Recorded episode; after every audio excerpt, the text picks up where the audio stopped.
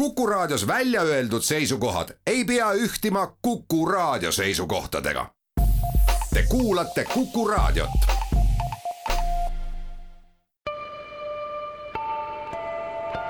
ilmaparandaja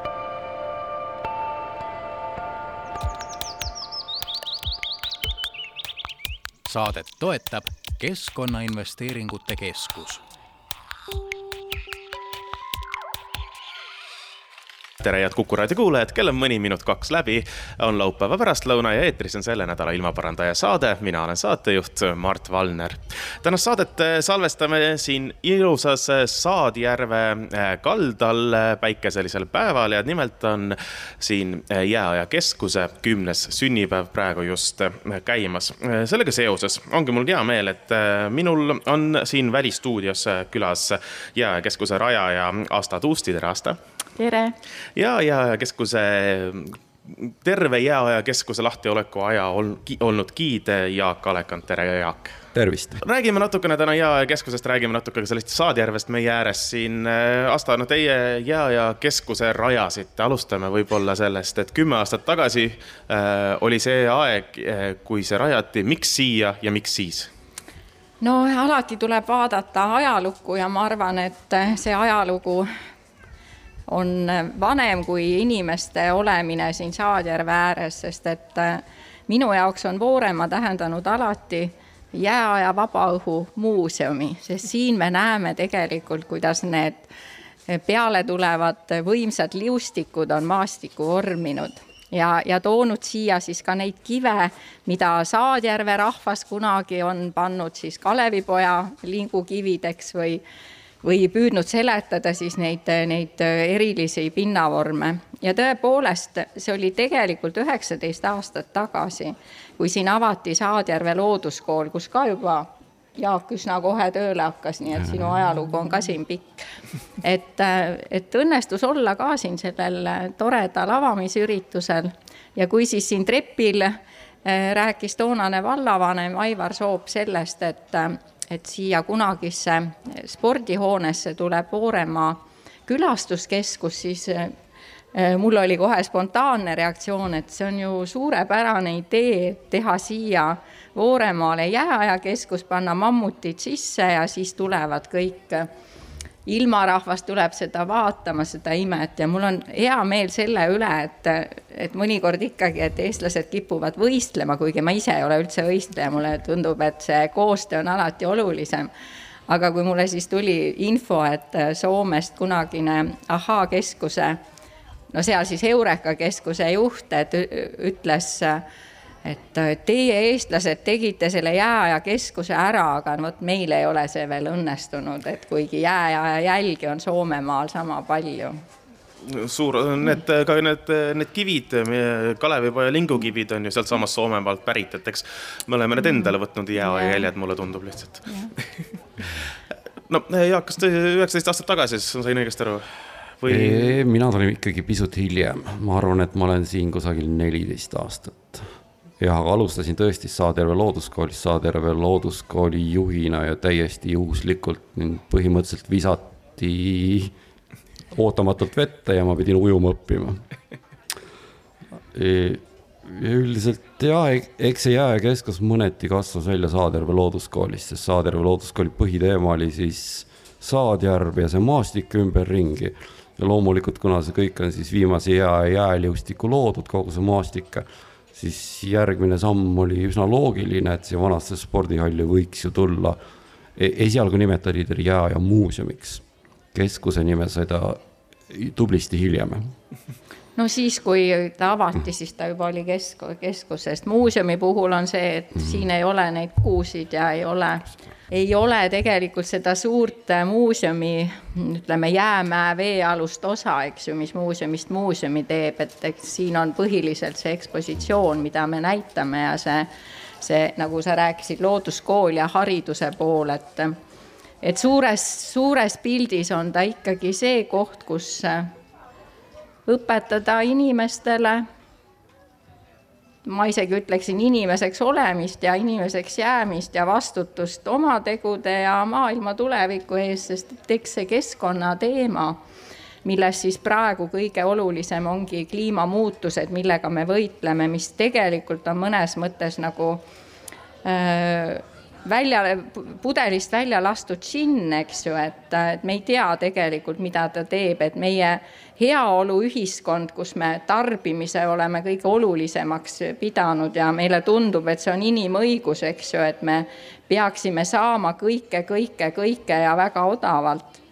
et ma arvan, et see Jääaja keskuse ekspositsioon peaks kujundama sellist vastutustunnet ja eks see tuleb läbi tõe, sest et teaduslik tõde, et siin, kui käia läbi see, need korrused ja nende lugudega tutvuda, siis peaks saama selgeks see, et mis on teaduslik teadmine ja versus müüt, eh, legend, muistend, mida me siin ka räägime.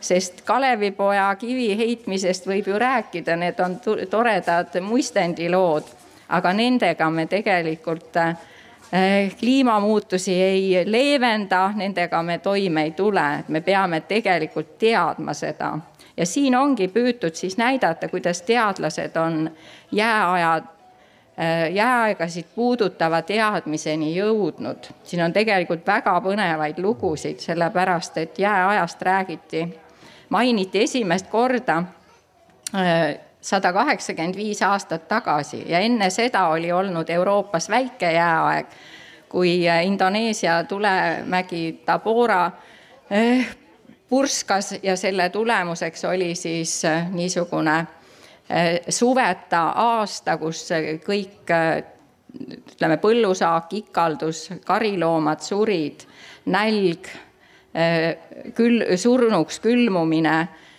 pimedus, punased päikeseloojangud, et kõik see oli nagu selline tontlik, tontlik ühiskond ja tegelikult üksainukene plahvatus. et, ähm, et siis hakati mõtlema sellele, et noh, et maailm muutub ja võib-olla üks asi, mis peaks siit selgeks saama, on, et üks kindel asi maailmas on, et kõik alati muutub ja muutub ka see teadmine meil sellest, mis kunagi on olnud mm. -hmm. kuigi noh, jääaeg sellises äh, mastaabis nii-öelda ühe purskega, kui me räägime siin kilomeetri mhm. pikkustest mm -hmm. kõrgustest mm -hmm. jäävallidest nüüd vist nii kiiresti mhm. tagasi ei tule, kuigi kliima soojenemise mm -hmm. tagajärjel ikka oodatakse ju noh jällegi astronoomiliselt äh, ajaühikus väga varsti äh, inimese mõttes äh, loomu-, tohutute aastate pärast mm -hmm. selliseid, selliseid muudatusi. ma saan aru, et Jääaja keskuse üks roll on olla loodushariduskeskus, mis on äärmiselt oluline ja panna indiviidi mõtlema oma käitumise peale.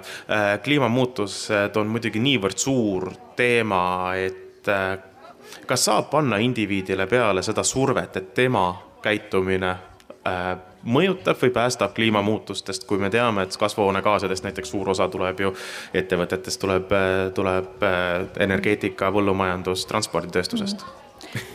no mina ütleksin siis selle peale, et me kõik oleme tarbijad et siinsamas Jääkeskuse kolmandal korrusel on üks kauplus ja seal poes tegelikult saad sa toote triipkoodi järgi teada, mis on see keskkonnamõju tootel ja see, et, et kui me, kui me sööme, ütleme siis niimoodi, et Argentiinas toodetud äh, loomaliha, mis on pakendatud Poolas, et, et see tegelikult me teeme iga päev, igas hetkes, iga kord, võib-olla kõige rohkem isegi poes käies ja oma kodus neid valikuid, mis mõjutavad keskkonda ja kliimat aga loomulikult on see, et see ei võta vastutust ära.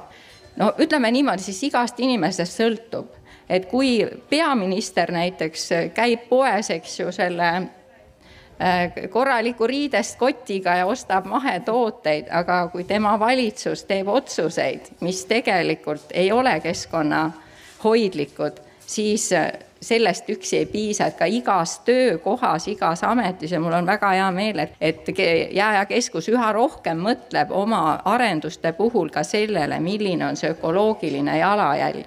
ja ka minul tookord, kui siin see idee hakkas teoks saama, siis ühel hetkel oli see mõte, et kas üldse tasub seda teha seda keskust, sellepärast et noh, et, et me peame seda kütma, me peame seda suvel jahutama, me peame tegelikult, inimesed sõidavad, eks ju, bussidega siia autodega kohale, kõigel sellel on oma süsiniku jalajälg.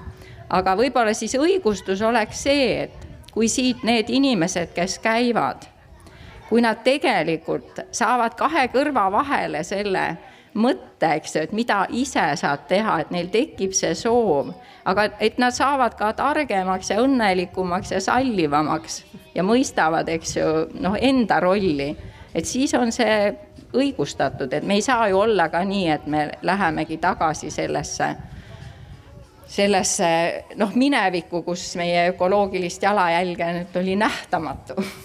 kindlasti, no Jaak, teie teate kõige paremini, kas inimene, kes astub peale giidituuri jääkeskusest välja, eh, on eh, keskkonna ja kliimaalaselt valgustatud?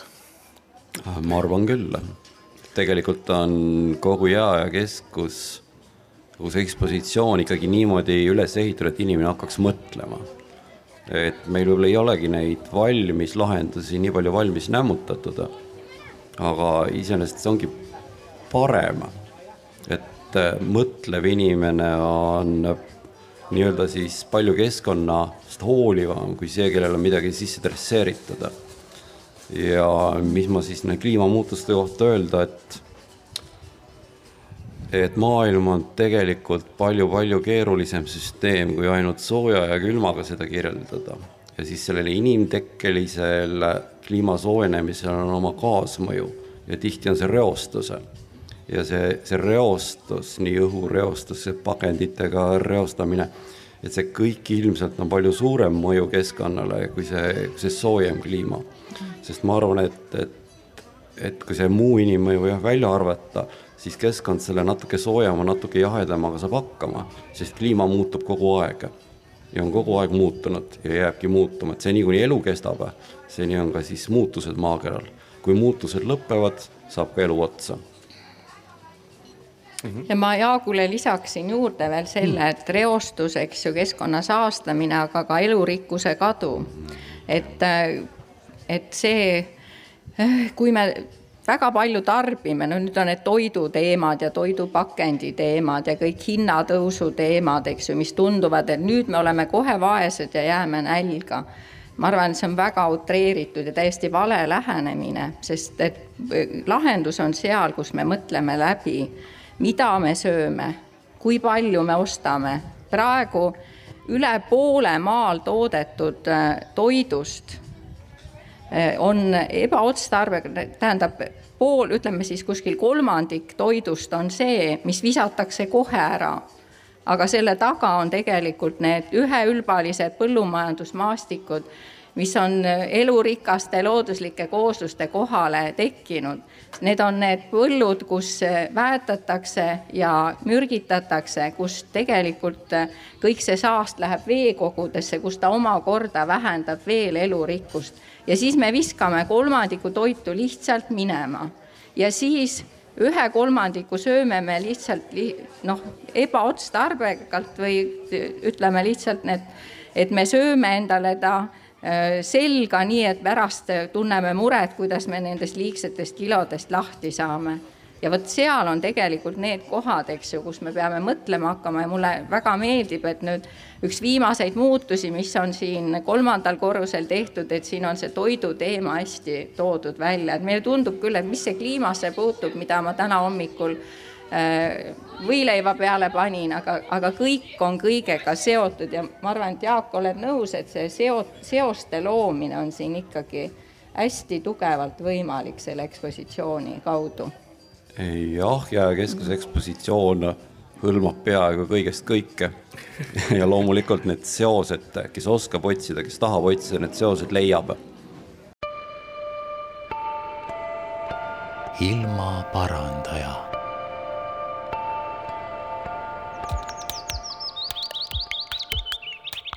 Saadet toetab Keskkonnainvesteeringute Keskus. Jätkame nüüd oma ilmaparandaja saadet, mis sai salvestatud eelmisel pühapäeval ja keskuse kümnendal sünnipäeval, kus minu külalised olid ja keskuse üks asutajatest ja Keskkonnaministeeriumi avalike suhete osakonna nõunik Asta Tuusti ning ja keskuse giid Jaak Alekand ise läbi käies, kas, mis hetkel ise sina need seosed enda peas kõik ära lõid või siiamaani tuure tehes sa mõtled, tegelikult siin see, need osad on veel omavahel ikkagi seotud rohkem. jah, mis seal tõde salata, kümme aastat tagasi, kui ma siis, kui ka minu jaoks oli Jääkeskus täiesti uus, uus maja, uus ekspositsioon äh,. osa teemat oli tuttav, aga ausalt öeldes no ma olin ikka kõvasti rumalam, kui ma hetkel olen. et, et koos selle majaga, selle kümne aastaga olen ise targemaks saanud, lihtsalt niisama ei saa, tuleb otsida, tuleb uurida. teine väga oluline aspekt on see, et, et ega teadus ei ole valmis. selle kümne aasta jooksul on teadlased väga palju juurde avastanud, mis on ka tegelikult neid seoseid Jääkeskuses muutnud. et mina võin tegelikult suure kindlusega öelda, et, et Jääkeskus selle kümne aasta jooksul on mind teinud palju targemaks, võib-olla ka lausa nutikamaks ma arvan, et see on ainult äh, positiivne, kui kümne aastaga ei oleks midagi muutunud, siis oleks äh, natuke. ma kardan, et kui selle ajaga, kui viie aastaga ei oleks midagi muutunud, siis ma oleksin juba kusagil mujal.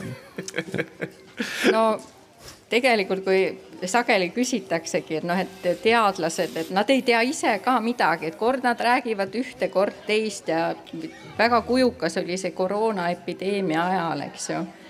et äh, ma arvan, et meie hariduse kõige suurem väljakutse on see, et äh, läbi koolihariduse peaks saama selgeks, et mis on teaduslik teadmine, et see ei ole dogma, mis ei muutu ja, ja siis on tegelikult äh, võimalik noh, kõigi probleemidega toime tulla, et kui inimesed ei, ei oota, eks ju, lihtsaid lahendusi, millel on ainult mustvalged, eks ju, need väljundid, et äh, ma arvan, et see Jääaja keskuse ekspositsioon, no ta oli mõeldud niimoodi, et noh, et ka nagu kummardusena nendele teadlastele, kes on selle kõik välja mõelnud, sest et äh, ainult selle Kalevipoja muistendiga ei seleta kõike ära.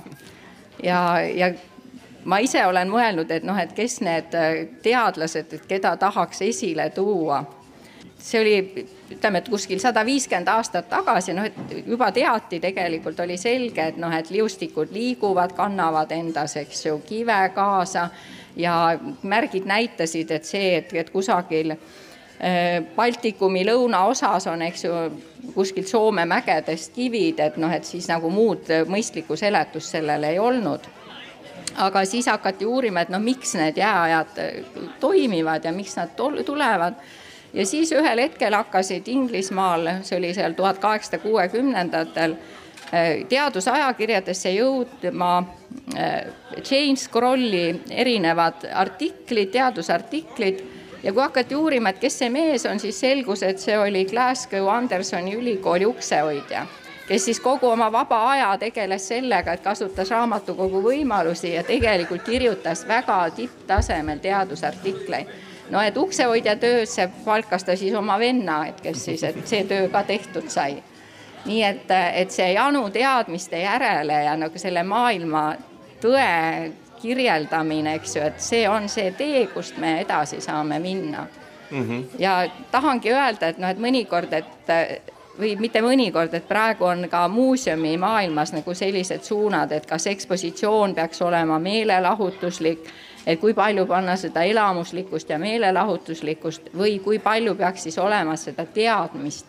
et siis minu jaoks on pigem ikkagi see, et, et me peame rääkima inimestele arusaadavas keeles eh, ja tõesti eh, miks mitte ka kunstikeeles, eks ju, nendest, et äratama nendes huvi ja tekitama selle tahtmise avastada maailma, sest et ükskõik, mis muinasjutte me kuuleme need kahvatavad selle ees, kui eriline on noh, tegelik maailm, et, et maailma ilu, et äh, kui keegi ütleb mulle, et noh, et päikeseloojang on kitš, et seda ei tohiks nagu pildistada, siis ma ütlen, et mis, et kitš võib olla see, mida inimene loob. Äh, aga loodus on alati ehe. et, et selles suhtes, ähm, et inimesteni viia siis ka läbi nende tõesti elamuste äh, see teadmine kuidas maailm toimub ja, ja milline roll, et üksikisiku, sa küsisid enne, et kui suur on üksikisiku. tegelikult on nii, et, et meist sõltub palju-palju rohkem, kui me arvame. ja teine pool on see, et tegelikult me sõltume väga palju kõigist teistest, et selle tõttu, et igaüks panustaks, on väga tähtis no äh, võib-olla need mõistendid äh, on, äh, ma, ma, ma, ma ei usu, et ma eksin väga, kui ma ütlen, et suur osa teadusest on ähm, kas hakanud või arenenud sellepärast, et seletada lahti mõnda mõistendit või seletada lahti mõnda sellist natuke ajalooliselt keerukamat juhtumit, eks ole, mingisugust rahvapärimust, seda teha teaduslikult. Mm siinsamas Vooremaal ja siinsamas Saadjärve ääres on neid mustendeid alates Kalevipoja lingukividest. no Jaak, teie olete ka siin neliteist aastat tööl olnud juba, aasta te olete kümme, kümme aastat tagasi siia keskusel olnud. mis need mustendid siin veel üldse on, millest me räägime, kui räägime näiteks Saadjärvest ja selle ajaloost? ma tean, et see peaks põhjas olema kirik vist. kirik jah? jah, on. no jaa, selline lugu on, aga seal peaks olema ka lennuka väidetavalt üks kombain, millega üle jää sõideti õlle järele ja Neid muistendeid tuleb kogu aeg juurde. ja nüüd järvedega on see lugu, kui järv on piisavalt sügav, et noh, ei ole näha, kas seal see kombain, traktor, auto või kirik on, siis võib ükskõik mida jutustada. et kui jutustaja on veendunud, et seda ei ole võimalik kontrollida, siis nii need legendid ja muistendid sünnivad. mis on päris kindlasti on olemas, et, et see kivi, mida siis Kalevipoja vanem vend viskas, see on täiesti olemas. et täna on üsna peegelsile järve päike paistab, valgust on, et see kivi on täiesti vaadeldav mm. -hmm. aga kõikide muude muistenditega jah, et mina olen suhteliselt ettevaatlik. et kirikutorni pole näinud veel siin all? ei ole õnnestunud, me oleme otsinud küll, aga ei ole õnnestunud ja teine lugu on ka see, et, et, et vanasti tehti kirikut puust. ta oleks pidanud vee peale jääma arusaadav.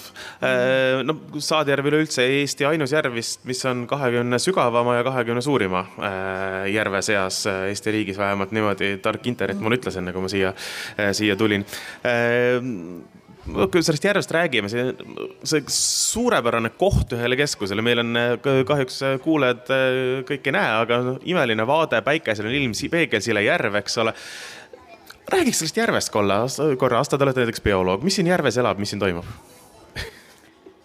no mis, kes siin järves elavad, siis ma kohe lisaks ütlen, kombainidele, lennukitele ja kirikutele. siin on palju paremini tunneb seda konkreetset järve Jaak, et sa oled käinud siin õpilastega, eh, teinud järveprogramme, aga ma arvan, et eh, ta on üle Eesti keskmise järve oma elurikkuse poolest aga sa tahad kindlasti rääkida rohkem mõne, mõnedest huvitavatest kohtumistest. Äh, Saadjärv on piisavalt suur järv, et see ikkagi väga palju elu sisse mahuks. Saadjärve kaldalt vaadates tundub, et ta on hästi madal.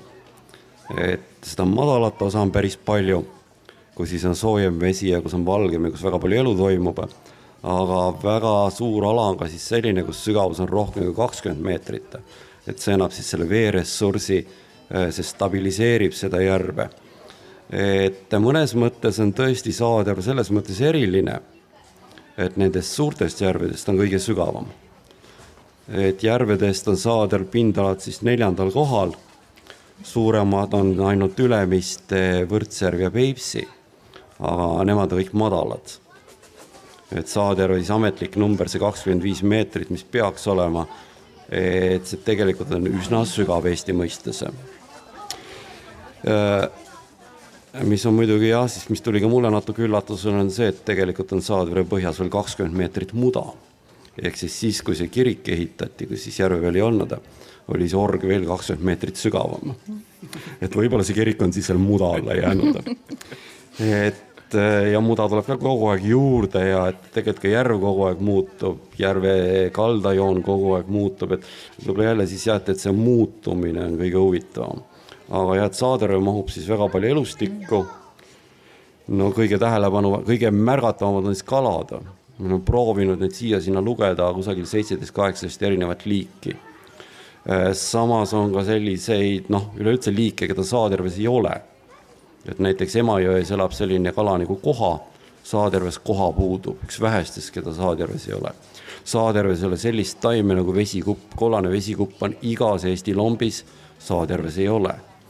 Et, et pigem võib-olla siis tõesti mulle tundub, et huvitavad on need, keda ei ole, et peaks olema, aga ei ole. miks ei ole? aga miks keegi, ei ole? mitte keegi ei oska seletada, miks Saadjärves ei ole vesikuppu, sest ei ole võimalik, et ta siia ei oleks suutnud levida.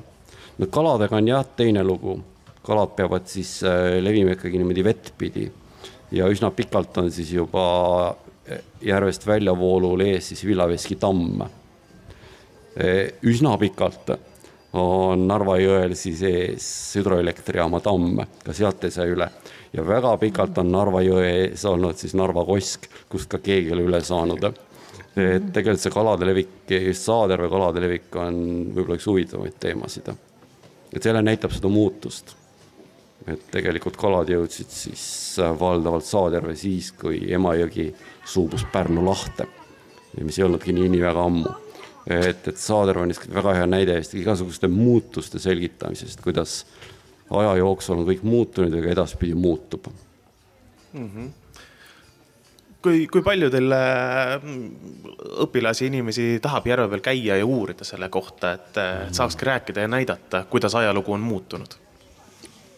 ma arvan, et kõik, kes soovivad, on jah, siis järve peal ikkagi mahtunud.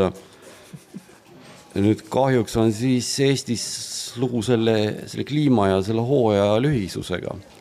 et õpilased käivad ikka kooli ajal järve peal ja see on siis mai ja juuni algus ja siis sügisel on siis september ja võib-olla pool oktoobrit, kui veel kannatab. et, et see siis seab mõningad piirid numbrid, numbrid ma ei oska tõesti öelda, palju käiakse. Talve, kas talve, talvel on äh, järv jääs? Talvel nüüd üks aasta ei olnud talv jääs. et minu käest nüüd küsida, et, et ei ole nagu mõtet, et ma olen nii vähe siin järve ääres olnud. aga kohalikud inimesed no väidavad, et seitsmekümne aasta jooksul esimene kord oli, kui siis talv, talvel järv jääga ei kattunud. et alati on olnud ja me oleme teinud õppeprogramme ka jää pealt, aga pigem siis segab see, et talvel on see päev lühikene ja see mhm. talvine ilm võib ka ikkagi üsna hull olla, sest järv on nii suur, et, et siin juba tuul ennast kogub, siis jääb korralikult tuisu kätte. et, et tahes-tahtmata me ikkagi valdavalt oleme talvel käinud jää pealt uuringuid tegemas gümnaasiumiga ja siis muidugi ei ole need nii palju siis elustiku-uuringud, vaid lihtsalt siis selle järve, järve enda uuringud. Et kuidas see vesi on ja temperatuuride jagunemine ja ja hapniku jagunemine, et, et see nii-öelda numbrite teema ja siis see numbrite tõlgendamine. aga noh, ausalt öeldes siis loodusharidusega jah, et võiks ükskõik missugusel päeval aastas Saadervel tegeleda, et järve taha ja elustiku taha miski ei jää. ilmaparandaja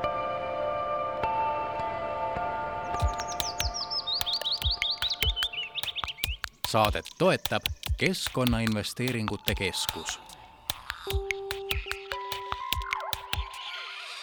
eelmisel pühapäeval Jääaja keskuse kümnendal sünnipäeval, kus minu külalisteks olid Jääaja keskuse üks asutajatest ja Keskkonnaministeeriumi avalike suhete osakonna nõunik Asta Tuusti ning Jääaja keskuse giid Jaak Alekand tahtsingi selle jutuga ka sinna jõuda, jää kesku juurde jälle tagasi. kuidas siin nüüd kümme või paarteist aastat tagasi, kuidas see kohalik kogukond äh, vastu võttis äh, sellise, äh, sellise, sellise keskuse siia loomise?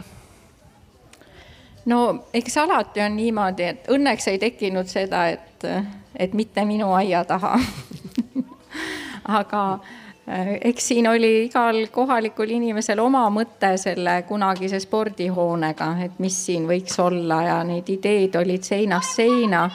ja alguses oli muidugi see mõte võõras, et noh, mingi jääaeg, et kuidas see kõik seondub.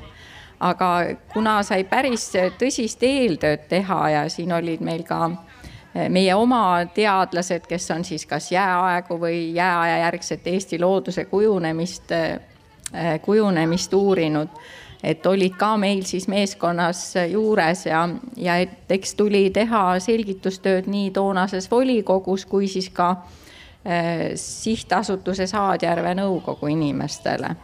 Nii et äh, just eile sain tagasisidet äh, toonaselt volikogu liikmelt Elin Veetõusmäelt, et tema teatas just, et, et see, kui, kui tutvustati, et mis siia tuleb ja kuidas tuleb ja eks paljudele tundus see ka toona ulmeline aga kui tahetakse ja, ja on hea koostöö ja meeskond on taga ja siis tegelikult on ka kõige fantastilisemaid asju on võimalik valmis teha ja väga kiiresti mm. -hmm. Ja nüüd kümme aastat hiljem, Jaak, kuidas kogukonnaga suhted on? no mulle tundub, et kogukond lihtsalt hakkab meiega tasapisi ära harjuma, et, võtab meid nagu paratamatust, et, et ega meist enam lahti ei saa.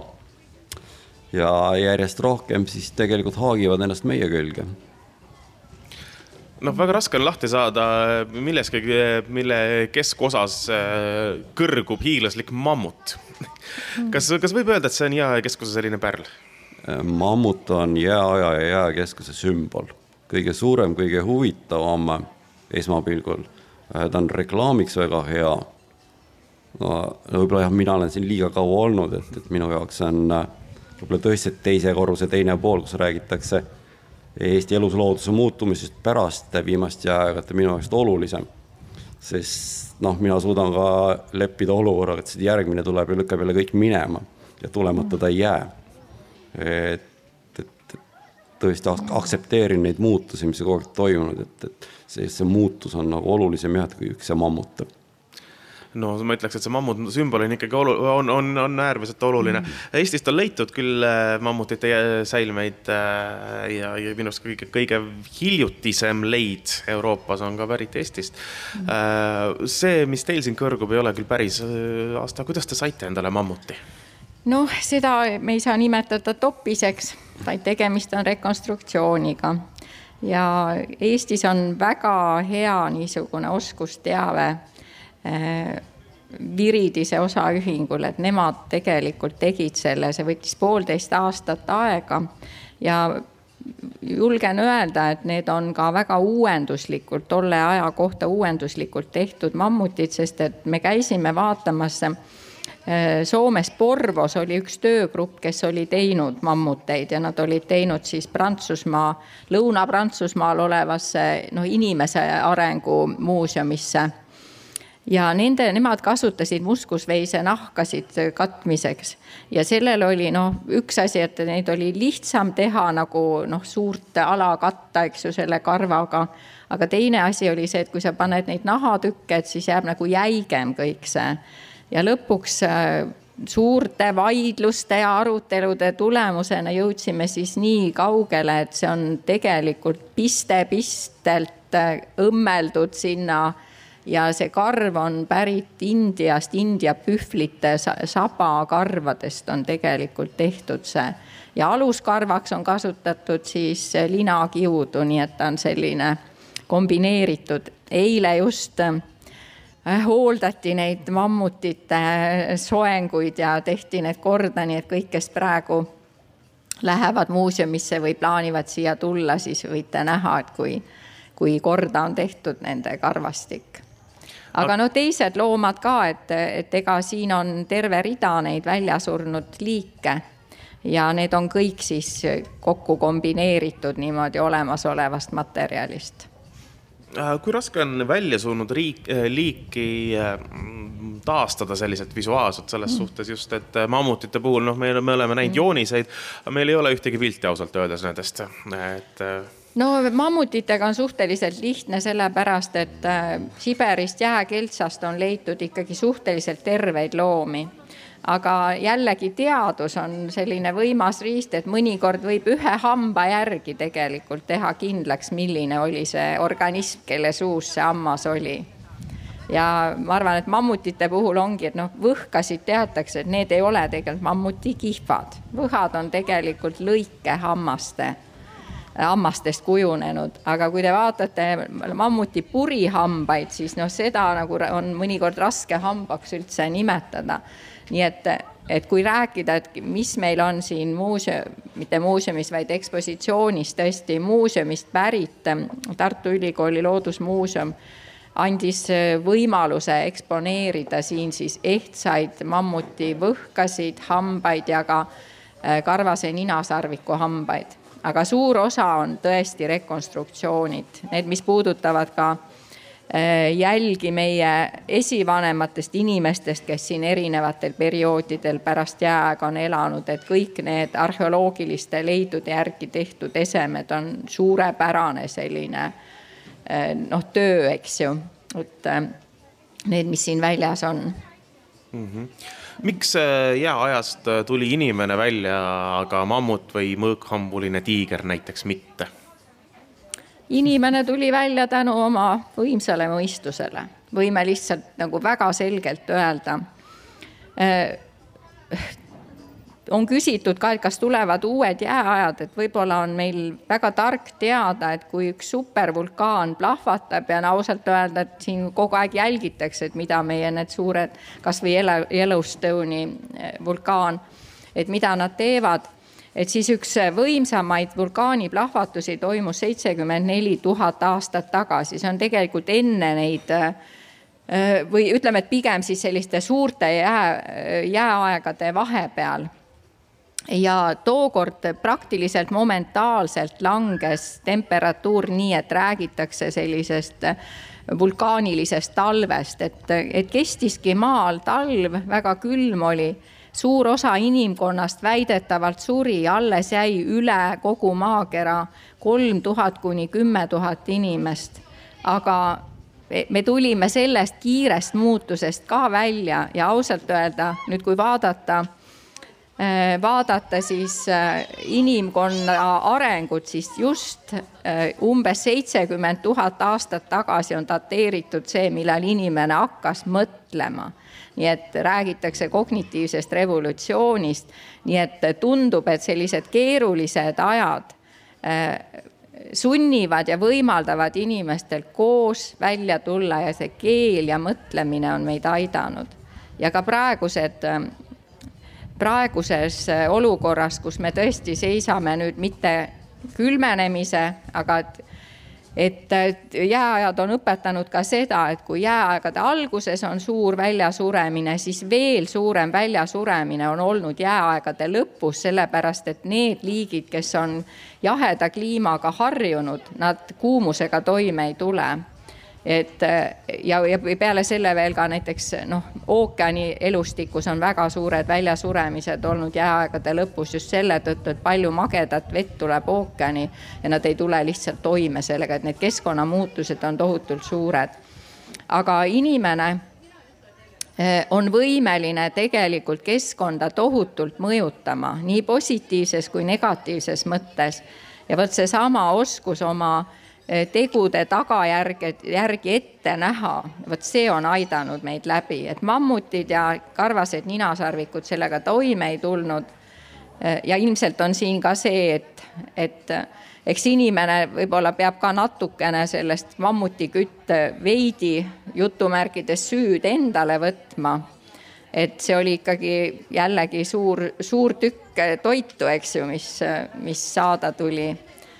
ja ma ei tea, igatahes äh, paljud märgid näitavad seda, et viimased need päris mammutid elasidki kuskil siin Eesti aladel, et, et äh, võib-olla tõesti mõne meie esivanema, ma ei tea, oda oli see, mis selle, selle liigi lõpuks hävitas maa pealt mm. -hmm no see inimkonna ette, ettenägemisvõime on muidugi ime, imetabane, ma küll vaidleks vastu siin natukene siin vaat-, hetke, hetke kliimateemadest rääkides, kas me kõike ikka ette näeme, aga vaatame ette.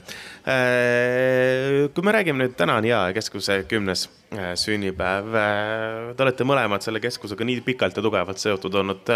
missugune on Jaa keskuse kahekümnes sünnipäev? ehk siis, kus on keskus kümne aasta pärast, mis te arvate, Jaak?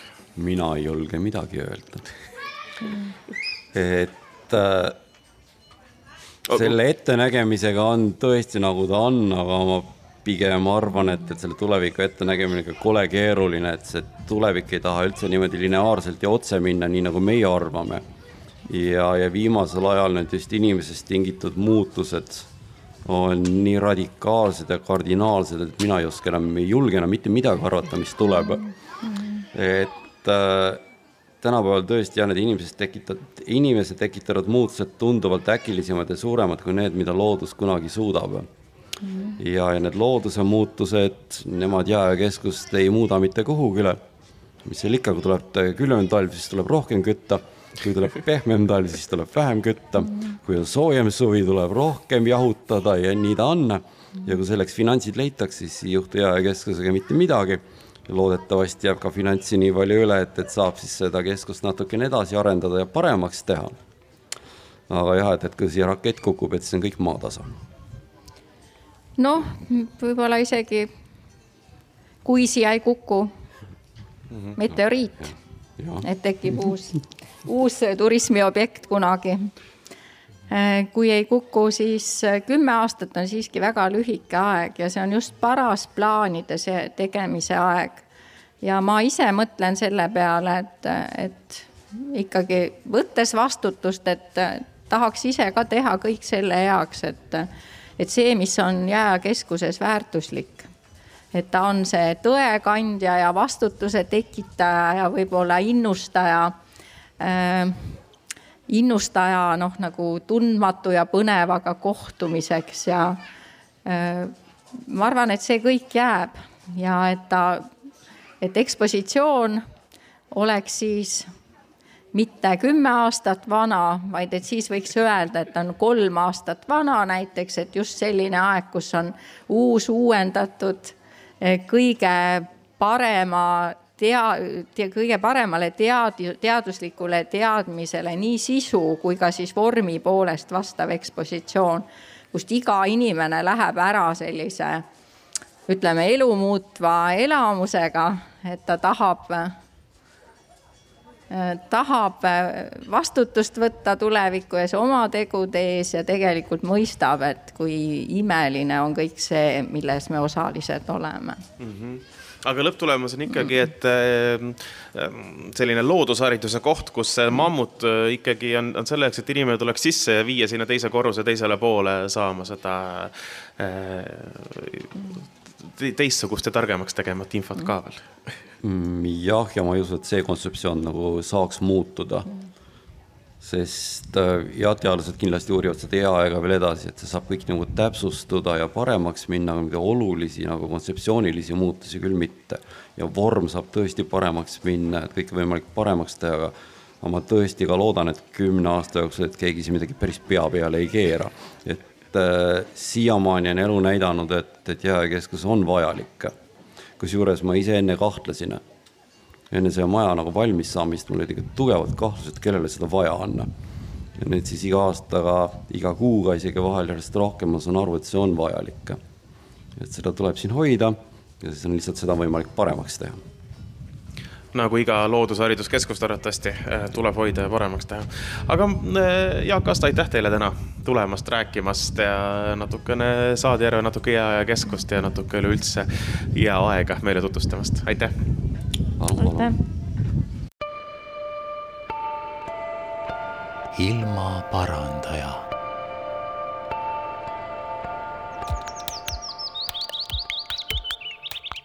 saadet toetab Keskkonnainvesteeringute Keskus